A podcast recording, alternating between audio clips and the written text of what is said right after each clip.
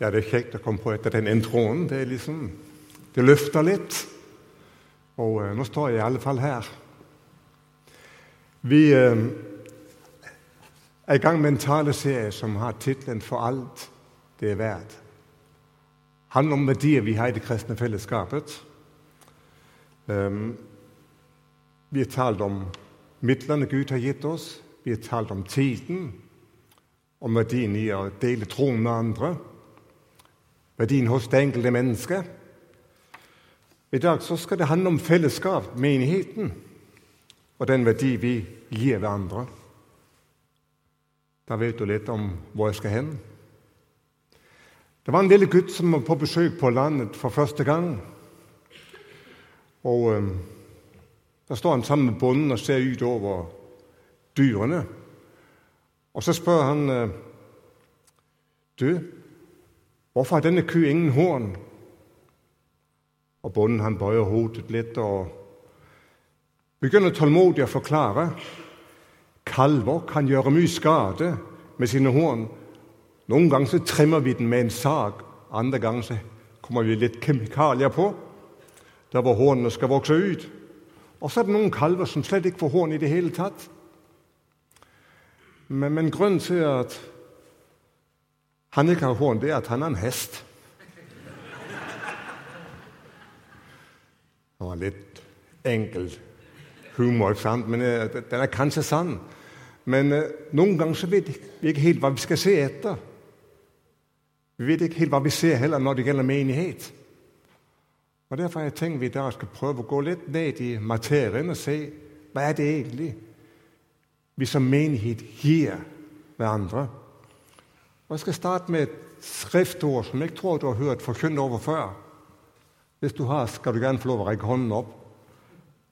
Romerbrevet kapittel 16, vers 8. Romerbrevet kapittel 16, vers 8. Den er sikkert du visste det sto i Bibelen, det her.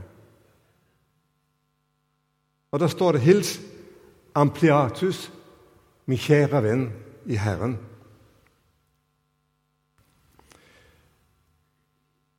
I Misjonskirken så har vi en sterk tro på hva Bibelen er for noe. I et av våre grunnlagsdokumenter så sier vi at vi tror at Bibelen er Guds inspirerte ord. Og den absolutte norm for tro, liv og lære. Det er her i Bibelen vi tror Gud viser hvem han er. Det er her vi ble kjent med det vi kunne kalle frelseshistorien hva Gud har gjort for å gjenopprette fellesskapet mennesket. Det er her vi ser at Jesus Kristus er det absolutt sentrum i alt hva Gud har tenkt å gjøre og har gjort. Det er her vi møter livets ord når vi leser, når vi samles til Guds tjeneste. Det er her vi lærer om dybden, høyden, bredden og lengden på Guds kjærlighet. Det er her jeg har funnet ordene som har ga meg en kurs for livet og for tjeneste. Det er her jeg igjen og igjen føler jeg får næring. Jeg spiser, jeg blir mett. Det er her jeg får utrustning. Jeg kunne tale veldig lenge om verdien av Guds ord for oss som fellesskap, for meg personlig og for deg. Og Det er de mange store, mektige, viktige ordene. Og så plutselig kommer det til et ord som det her i Romerbrevet kapittel 16, vers 8. Hils Ampliatus, min uh, kjære venn i Herren. Jeg kan det ikke engang utenat, ser du. Og uh, jeg tenker, hvorfor i verden er den hilsen tatt med? Sammen med alle de andre hilsener det står i, i samme kapitlet. Noen av navnene kjenner vi fra andre steder i Bibelen. Noen navn er bare nevnt her. Noen står det en liten beskrivelse til, og andre er bare nevnt ved navn.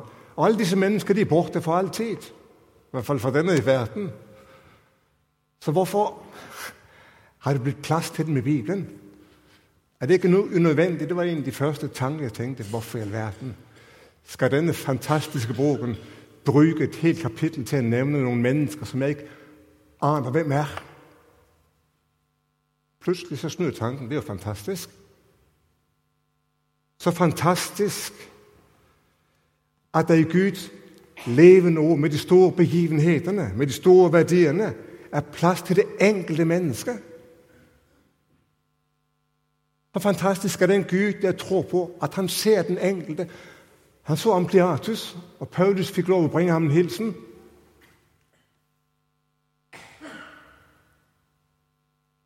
27 mennesker er nevnt har fått sin hilsen på denne måten. Egentlig så fantastisk. Det viser at hver enkelt menneske i den store sammenheng er så verdifullt at det er plass til oss hos ham. Det er plass til en hilsen. Det er plass til omsorg.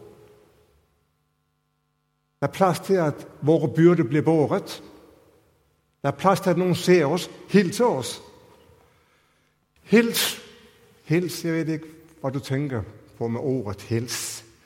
Ofte så er det sånne standardfraser. Vi Hils når du kommer fram, og så hilser man først når man skal gå. ikke sant? Det er jo sånn det ofte er.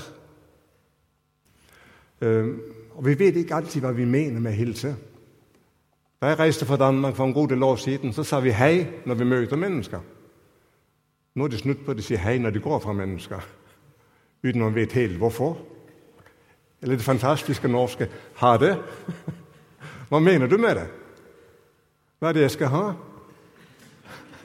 Hvordan skal jeg ha det? Har vi sagt 'ha det bra'?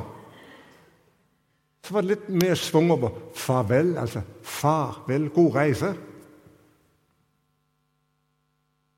Hils. Men å hilse betyr jo egentlig, etter jeg har lest meg til, et ønske om hell og lykke. At du må ha det godt. Og Det greske ordet betyr egentlig å omfavne. Jeg åpner opp mitt liv for den jeg hilser, og gir en god klem. Gir medfølelse, kjærlighet, nærvær. Hils Ampliatus. Du har verdi, Ampliatus. Og For å gå lenger ned i Romerbrevet 16, vers 24, så tror jeg at hilsen egentlig innebærer hvor Herre Jesu Kristi nåde være med deg. Og tenk om det ligger det bak de hilsener vi gir hverandre. Jeg ønsker at Herrens nåde skal være med deg og hele ditt liv, for du er verdifull. Og Det var det Jesus gjorde når han gikk rundt og møtte mennesker. Midt i de store folkemengder så ga han den enkelte verdi. Der var en gang en prest som leste hele Bibelen, eller ikke Bibelen, Det nye testamentet igjennom, og i hvert fall evangeliene. Nå må jeg kort meg være helt konkret. Ikke? Det er så lett med de store årene, vet du. Han leste i hvert fall evangeliene igjennom. Og så tenkte han nå skal jeg prøve å finne en enkel setning som forklarer hvordan Jesus møter mennesker. Han kom til denne setningen. Han snudde seg aldri bort fra noe menneske. Altså Han møter dem ansikt til ansikt. De opplevde hver enkelt. Jeg betyr noe. Jesus fokuserer på meg her og nå med hele sitt vesen. Og vet du hva? Vi er som fellesskap kalt til å gjøre det samme. Derfor hilsener fra Paulus til alle disse mennesker. Og så er noen som sier Paulus er kvinnefiendtlig. Han hadde i hvert fall seks kvinner med blant disse her. Han kaller dem ved navn. Om Jesus står det han kaller sine egne sauer ved navn. Og Noe av det mest fantastiske påskemorgen, det som løser opp for Maria når hun står ved graven, det er når han sier 'Maria'. Han kaller deg ved navn. og Jeg skulle ønske vi som fellesskap kunne kalle hverandre litt mer ved navn. At vi var litt flinkere til å lære navn. Det betyr noe, det her. Og jeg er ikke noe flink på det her. Utrolig dårlig. Men kanskje vi skulle skjerpe oss litt og kalle hverandre ved navn. Prøv å terpe litt på det. Det betyr noe å nevnt ved navn. Hils Ampliatus. Jeg vet hvem du er. Må Guds nåde og kraft og kjærlighet og fred være med deg. For du er min venn i Jesus Kristus. Og sånn skulle jeg ønske at du her i formiddag opplevde deg verdifull. At du opplever at du får en hilsen som gjør at du reiser deg opp og sier 'Her ønsker jeg å være med'. 'Her ønsker jeg å leve'. 'Her ønsker jeg å være til'. Det var den første teksten. Så har jeg en litt lengre tekst. Paulus kommer til Roma som han skrev brevet til. Og I Roma så skriver han til noen andre venner i Filippi. Og Nå skal jeg lese teksten. Om det der er trøst i Kristus, oppmuntring i kjærlighet, fellesskap i Ånden Om det finnes medfølelse og barmhjertighet, så gjør nå min glede fullkommen. Ha samme sinnelag, samme kjærlighet, vær ett i sjel og sinn. Gjør ikke noe av selvhevdelse og tom ærgjerrighet, men vær ydmyke og sett de andre høyere enn dere selv. Tenk ikke bare på deres eget beste, men også på de andres. Og Her finnes det fem verdier som vi skal få opp nå, som eh, er utrolig viktige i det kristne fellesskap. Verdier, er det for noe? Det er det på et tidspunkt i historien Kjell Magne Bondevik var statsminister første gang. Da nedsatte han en verdikommisjon fordi han følte at det er veldig viktig at vi som folk har felles verdier. Og hvorfor er det viktig? Jo, verdiene det er på en måte stjernene vi styrer etter når vi navigerer. Verdiene det veiviser for handlinger vi skal utføre, vurderinger vi skal gjøre. Verdiene er det, det vi ønsker å være drevet av som fellesskap. Det som virkelig betyr noe for oss. Som gjør oss annerledes enn alle andre former for fellesskap. Og Man har på mange måter jobbet med verdier i så mange sammenheng de siste årene. Og øh, Det er bare å søke på nettet. Der fant jeg et fantastisk godt sitat fra noen som produserer toalettseter. Presalitt heter de. Jeg skal ikke reklamere for dem, men de har sagt noe fantastisk flott. De er til og med danske.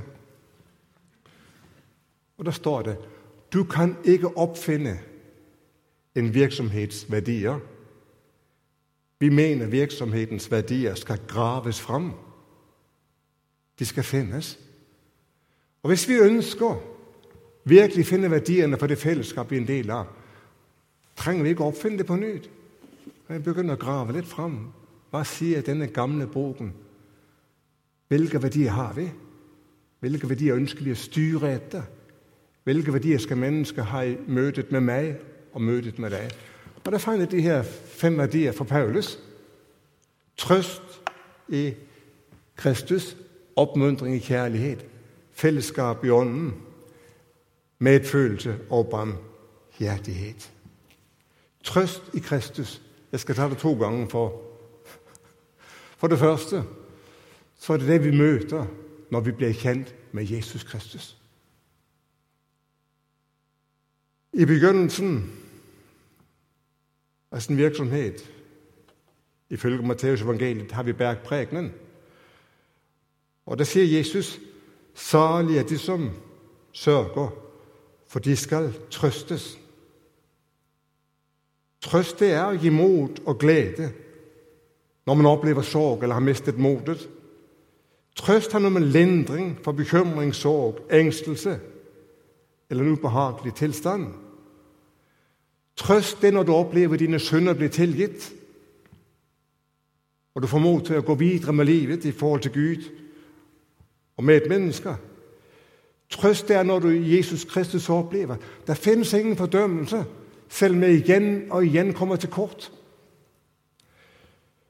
Trøst er å være hos ham med alt det vi ikke skjønner, all den smerte vi opplever. Og så kjenner vi han kommer med sitt nærvær, lyser sin fred over det, så jeg på ny kan leve videre. Oppmuntring i kjærlighet. Kjærligheten løfter oss alltid opp. Det er oppmuntrende, det er opplivende, det er oppkvikkende å vite seg elsket. Uansett. Det var en journalist som en gang forklarte hemmeligheten bak sin suksess. Hun sa Når jeg føler meg elsket, kjenner jeg ingen grenser. Altså det å vite seg elsket av Jesus Kristus. Det var denne kjærlighet de møtte. Fellesskap i ånden. Det er jo så fantastisk å oppleve. Jeg lever med han. Han er ikke en, bare en person fra fortiden, men han lever her nå i mitt indre. Og det er hos han jeg opplever medfølelse, barmhjertighet. Han har levd seg inn i min situasjon som menneske. Og han er barmhjertig. Hva er barmhjertig? Barmhjertighet det er kjærlighet i handling. At han aktivt griper inn i menneskers liv. Ikke bare sier 'jeg elsker deg', men han viser det. Ok, det er det vi møter hos Jesus Kristus. Men tanken er jo at de samme verdier skal vi møte hos hverandre i et kristent fellesskap. Trøst i Kristus. Menigheten skulle være et sted hvor vi kan få lov å dele vår smerte og så oppleve lindring. Det skal være et sted hvor vi kan dele vår bekymring, hvor vi når vi er motløse, kan få nytt mot. Og det finnes en helt spesiell person i apostlenes gjerninger som hadde denne funksjonen i forhold til andre. Hans navn det var Barnabas. Og I Apostlenes gjerninger kapittel 4, vers 36, så står det Josef, en levit fra Kypros, ble av apostlene også kalt Barnabas. Det betyr trøstens sønn. Det er ikke alltid jeg husker forskjell på Barabas og Barnabas, men det er altså Barnabas vi er i gang med nå. Eh, Barnabas hadde evnen til å se når folk trengte han. Han hadde evnen til å se behov. Han hadde evnen til å se muligheter hos den enkelte. Og eh, Det var han som hentet Paulus tilbake til den store tjenesten. Paulus hadde en mektig opplevelse av Gud og var i Jerusalem. Det var så mye sterkt med Paulus, men på et tidspunkt så reiser han hjem. Reiser hjem til Tarsus. Hvorfor står det ikke noe om. Men hvem reiser til Tarsus og henter ham tilbake til den fantastiske tjenesten han fikk? Det er Barnabas. Barnabas og Paulus de på misjonsreise, og Barnabas har fått fetteren Markus med. Men Markus han var ikke noen tøffing. Han var ikke tøff nok som vi har sunget for noen år siden. Så på et eller annet tidspunkt så orker han ikke, men han reiser hjem til Jerusalem med et nederlag på kontoen. Så går det noen år, og så opplever Barnabas og Paulus at de på ny skal ut på en misjonsreise. Og Barnabas han tenker jeg, jeg må ta Markus med, for han trenger det her. Men Paulus han er tøff. Han, han er virkelig tøff. Så sier han han der kan vi ikke bruke. Vi har ikke bruk for folk som, som på en måte ikke står distansen. Og Da blir det en kraftig diskusjon. Og Bibelen er veldig åpen om, om sånne ting. Det blir diskusjoner noen ganger i de kristne menigheter. Og Det blir skikkelig skisma, et skille. Paulus tar Silas med, for han klarer det. Og Barnabas sier til Markus, 'Kom nå, blir du med meg?' Så reiser vi ut og ser. Og I den perioden Det står ikke så mye om det. Men så vokser Markus. Han får nytt mot. Han får evnen til å reise seg opp og være med. Og når Paulus mot slutten av sitt liv sitter i fengsel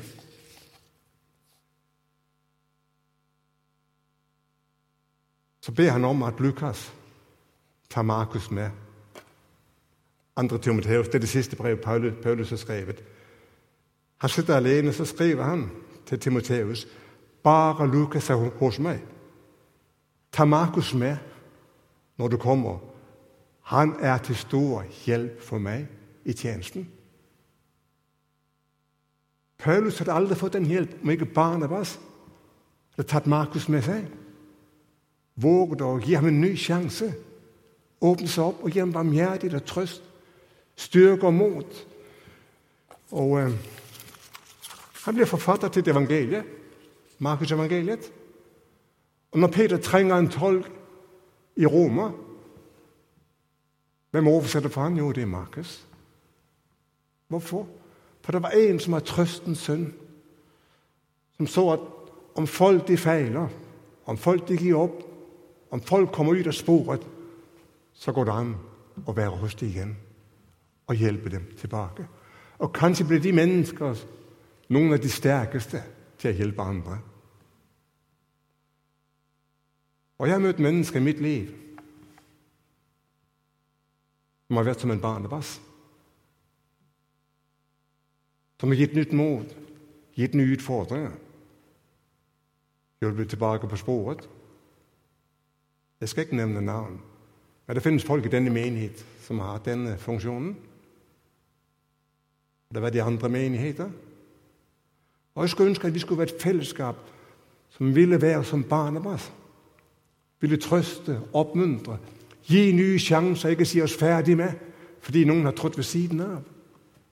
Og det gjør vi alle. Jeg skulle ønske, en av våre viktigste værdier i fællesskab, vi ville være trøst i Kristus. Vi skulle være et barn av vores fellesskap. For det finnes folk rundt omkring, som ikke orker mere, som ikke har lyst lenger, som ikke i det hele tatt tenker tanken, men som en barnebass. han eller hun kjønn kan gå og hjelpe tilbake, oppmuntre, gi liv på nytt. Trøst i Kristus. Oppmuntring i kjærlighet. Og tilbake til Paulus og det siste brevet. Der nævner han en med et komplisert navn. Det er en del kompliserte navn i Bibelen. Og nå vet jeg ikke, hvor jeg skal legge trykket heller, men Onesiforos, om han skriver han, han har mange ganger gitt meg nytt mot. Han har mange ganger gitt meg nytt mot. Denne mektige apostelen han trengte å møte mennesker, som gav ham nytt mot. Du kan møte mennesker, som gir deg det modsatte. Hver gang du møter dem, tenker du, hva i verden er det, som skjer her? Så går du deprimert derfra, og så møter du andre, som liksom oh, så fantastisk. Det var en hilsen. Det var et håndtryk. Ikke sant? Nyt mot. Paulus trengte det, vi trengte det. På et museum i USA så finnes det en liten utstilling med de personlige egendeler Abraham Lincoln hadde i lommen den kvelden, han ble myrdet på teatret. Og hva finnes der? Der finnes en 5 dollar sættel. Der findes et penneskaft. En eske som er holdt sammen med en bomullsnor. Og så var det et utklipp fra en avis. Og der stod det, Abraham Lincoln er en av tidens største statsmenn. Og så kan man tænke, så forfengelig han var. Nei.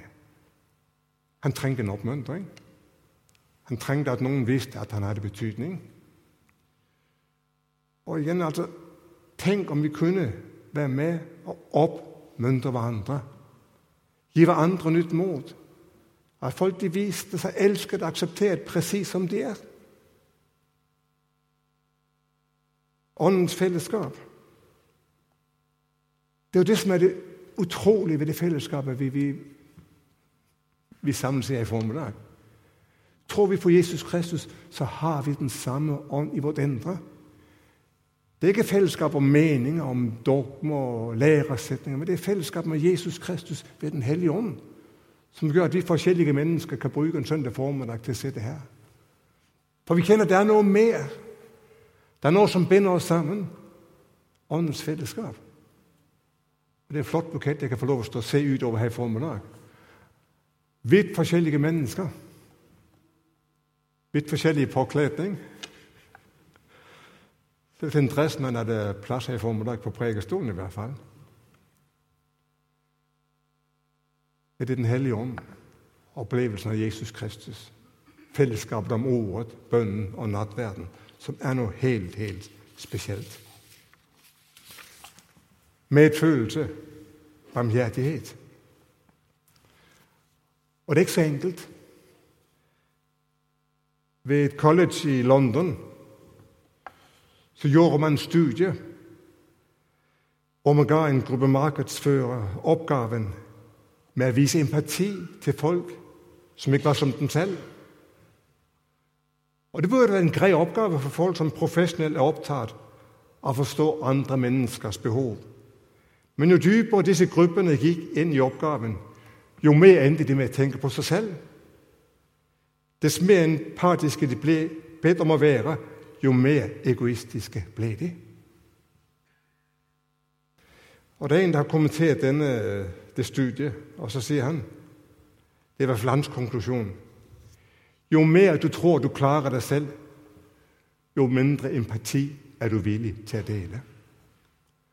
Det er lett å gjøre med selvinnsikt. Hvis du opplever 'jeg trenger andre', da er du også villig til å dele med andre av medfølelse. Jo mer du tror du klarer deg selv, jo mindre orden er du for andre menneskers behov. Medfølelse, barmhjertighet. Det er det fellesskapet vi er kalt til å være i. Til å se hverandre, til å åpne opp, til å dele, til å bære hverandres byrder. Til å vise barmhjertighet og nåde.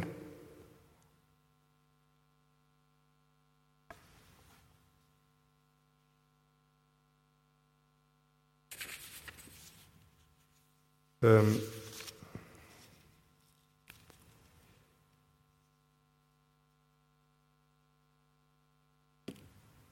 jeg står med en enkel tanke her. Kanskje jeg skal dele den med deg. For en del år siden så uh, kom det ut en bok av David Kvebekk som het 'Ekteskapet duett eller duell. Fantastisk flott bok.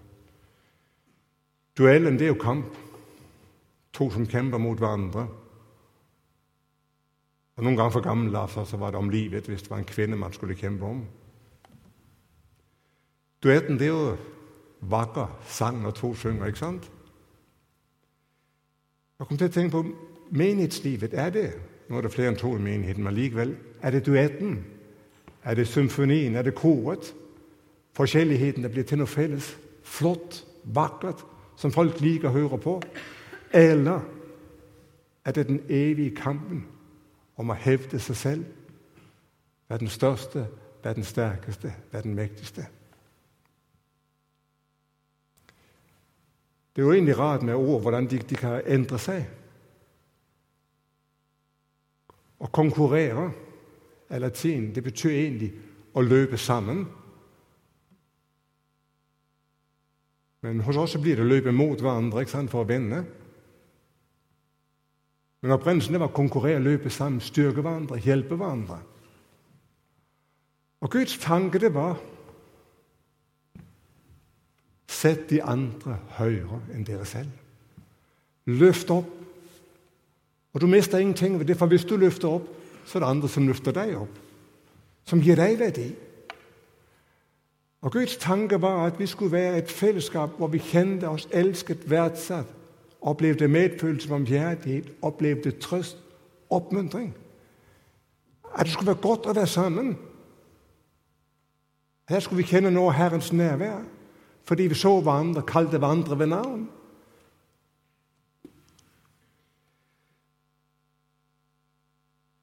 Hvis du har lest litt kirkehistorie, så kjenner du navnene John Wesley og George Whitefield. Det var to av pionerene i metodistkirken, i metodistvekkelsen. Og I starten så sto de sammen og opplevde kolossalt mye i England og i USA. Men pga. den teologiske uenigheter så går de i hver sin retning og har ikke noe å gjøre med hverandre mer. Og så er det en den dag kommer til John Wesley, for han tenker nå skulle han få ham til å si noe stygt om George Whitefield. Og så sier han, du, John Wesley, tror du at du kommer til å se George Whitefield i himmelen? Står John Wesley og funderer litt på hvordan han skal svare. Nei, det tror jeg ikke. Og så tenker andre nå, nå, nå kommer det. Så sier John Wesley, for jeg tror han står så mye nærmere tronen enn meg. Det er en måte å se på motstandere Folk som er forskjellige. Det er jo deres skyld det ikke går så bra. Tenk om vi kunne løfte hverandre opp og se muligheter, forskjellighetene, som en styrke. Det er det fellesskapet han ønsker vi skal være en del av. Oppløftende fellesskap. Da skal det være godt å komme sammen, fordi det blir en styrke. Her kjenner vi oss oppmuntret, her kjenner vi oss styrket. Menigheten duett eller duell. Alt det gode kan misbrukes. Selv de største gavene Gud har gitt, kan misbrukes hvis vi ønsker ærgjerrighet, selvhevdelse. Jeg har hatt noen av livets beste opplevelser i det kristne fellesskapet. Men jeg har også hatt noen av livets verste opplevelser i det kristne fellesskapet. Fordi det ikke ble som Gud hadde tenkt. Fordi vi misbrukte hans gaver til å bli store, mektige og sterke selv. Og Så skal jeg gå inn for landing. Det her det har noe å gjøre med menighetens indre liv. Men det er et indre anliggende. For våre holdninger og våre handlinger var tenkt som et evangelie til verden.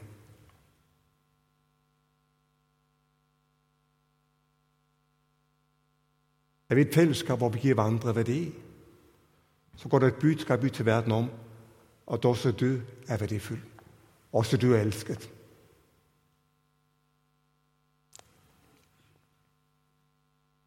Så hils. Hils på noen i dag. Hils på noen i dag. Ønsk Guds nåde og fred over deres liv. Åpne opp da tror jeg vi skal oppleve en oppdrift i vårt fellesskap. Herre Jesus, takk for denne formiddag i Misjonskirken. Takk at du er her, at du ønsker å møte oss. Du ønsker å trøste oss. Du ønsker å oppmuntre oss. Du ønsker å ha fellesskap med oss. Du ønsker å vise oss medfølelse og barmhjertighet. Herre, vi ønsker å ta imot det, så vi kan få lov å gjenspeile det livet du har lagt ned i oss. Amen.